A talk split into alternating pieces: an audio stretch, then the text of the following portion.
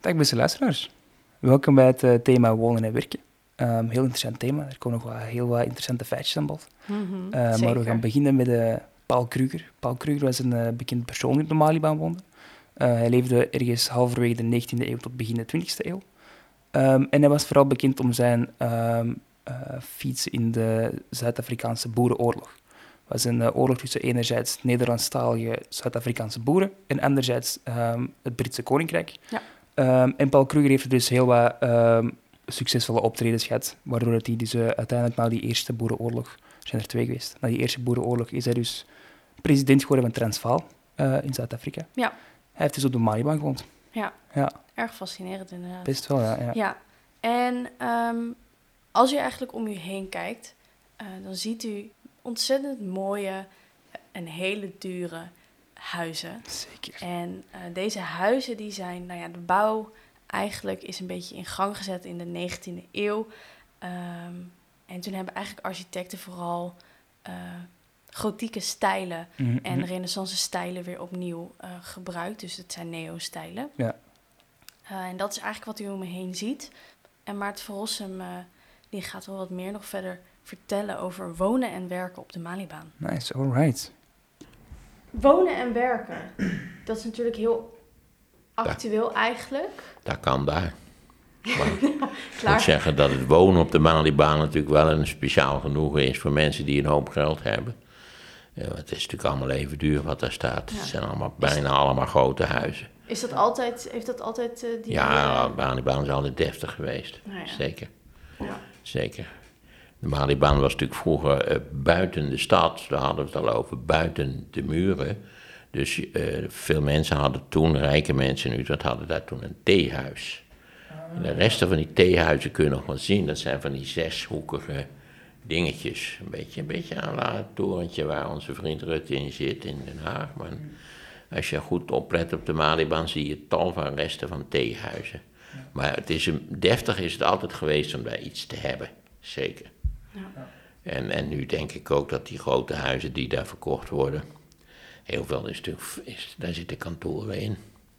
Uh, vaak is ook de tuin volgebouwd als, als parkeerterrein, schandelijk allemaal. Ze allemaal onmiddellijk een eind aan moeten worden gemaakt, maar goed, zulke dingen gebeuren nu eenmaal. Uh, ja, de grote huizen die lopen waarschijnlijk in de meerdere miljoenen. En de kleine huizen zullen ook al wel gauw tussen de 1 en de 2 miljoen zitten. Dus ja, daar wonen de normale mensen wonen er niet. Ja. En die woonhuizen zijn dus ruim en duur. Ja. En ook studentenhuizen, of niet? Valt dat mee? Ik zou niet weten of er op de Malibaan is. Dat is duur, een studentenhuis ja. op de Malibaan.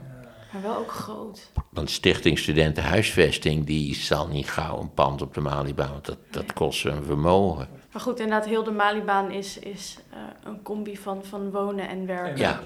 Ja. En, en dat is al heel lang zo, volgens mij. Ja. Dat was vroeger ook zo, dan. Nou ja, ik ben in 62 met studeren begonnen en toen was het de, de, de mix van kantoor en, en particuliere bewoning niet anders op de Malibaan. Ik zou ook zeggen, nee, misschien dat er zelfs nu iets minder kantoren zijn, omdat je misschien minder makkelijk vergunning krijgt om een kantoor te houden in zo'n, in zo'n pand.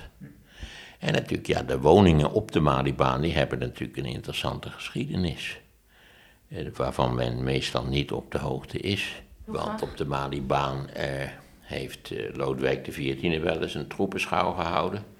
Nederland is natuurlijk althans een, uh, een deel van Nederland is in 1672 door de Fransen veroverd.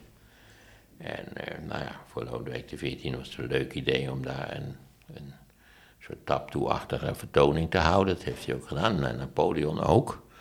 Volgens mij heeft Napoleon zelfs om wat ruimte te maken flink wat bomen omgehakt. Niet zo mooi natuurlijk.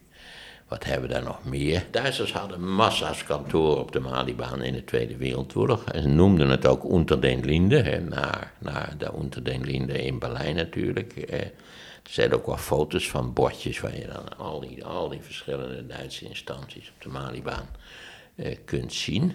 De ANWB is op de Malibaan opgericht. Eh, de Algemene Nederlandse Wielrijdersbond, die zoals bekend de wielrijders eh, lang geleden al verraden heeft en een autobeweging is geworden. Nou, je hebt, je hebt nou, Descartes hebben we al genoemd. Er was van alles op de Malibaan. Ja. Omdat het natuurlijk een, een, ja, het was een aantrekkelijke locatie, ook Ja. gerelateerd aan de Universiteit van Utrecht.